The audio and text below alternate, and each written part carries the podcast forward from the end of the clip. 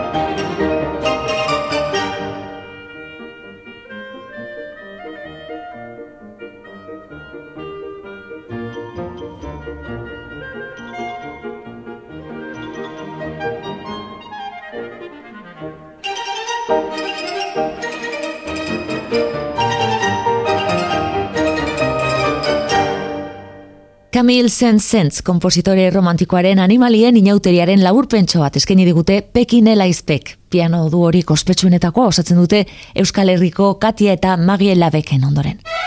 Klasikoak eiteben. Saint Saënsen suitaren ondoren umore honez egiko dugu. Giovanni Mazzaferrata, italiarraren berpizkundeko hiru pieza alai-alai entzungo ditugu, La Europa galanteren eskutik.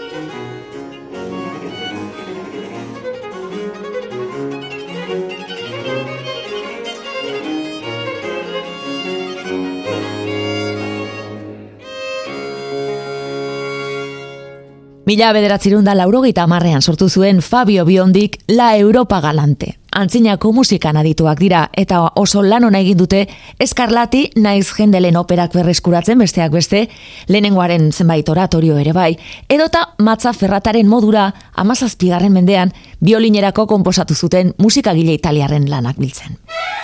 Klasikoak eite Aita donostiaren gatik izan espalitz berriz, etziren jarraian entzungo dugun aur dantza eta beste doinu ezagun askoak gordeko. Jordi Masok interpretatuko du pianoan.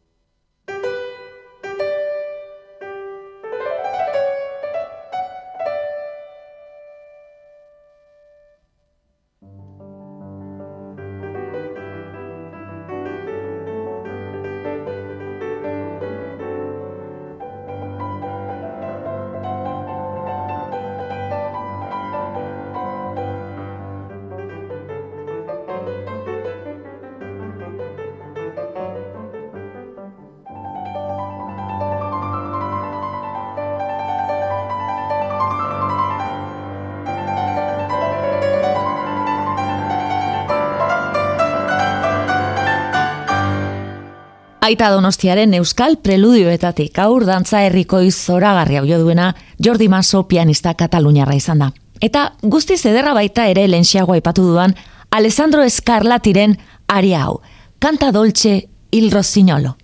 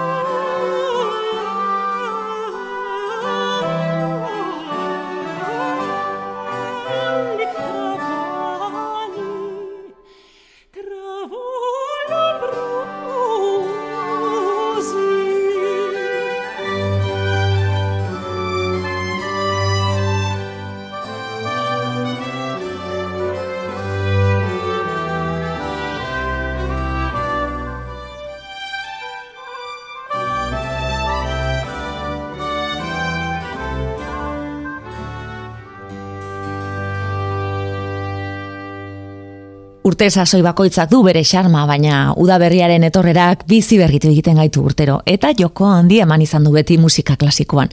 Gaur, eskarlatiren La Gloria di Primavera izeneko serenataren aria ezin politiago bat abestu digu Simone Kermes soprano alemaniarrak kanta Dolce il Rossignolo.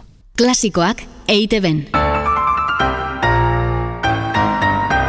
Zatiren magiarekin bat egingo dugu.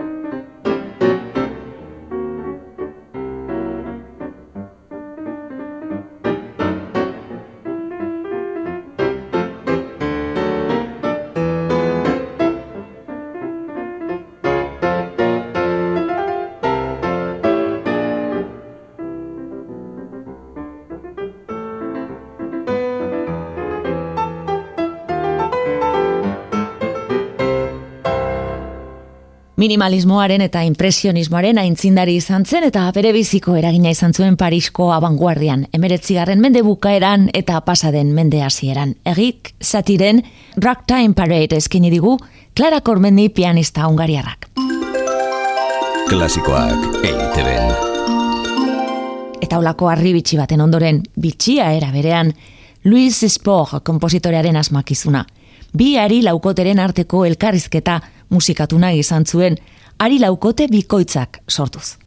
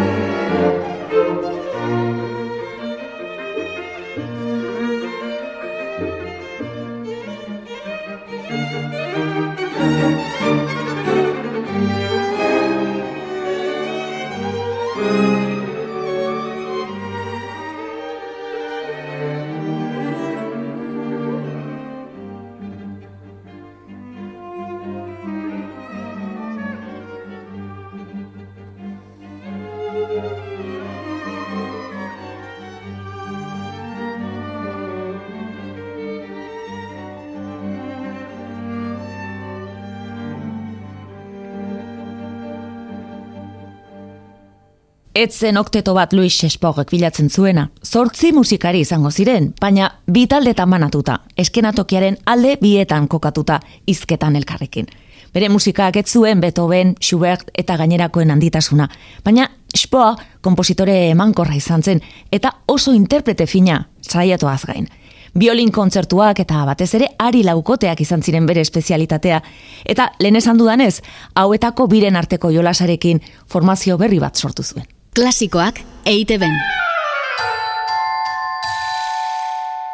Cecilia Bartoli, mezzo soprano italiararekin utziko zaituztet orain. Joaquino Rossiniren Stabat Mater lanetik Fak ut portem Christi mortem abestuko du, bienako filarmonikoaren laguntzaz. Gustoetarako daude koloreak, baina miunbun txungek gidaturiko bertsio hau onena da batzurentzat. Kozatua.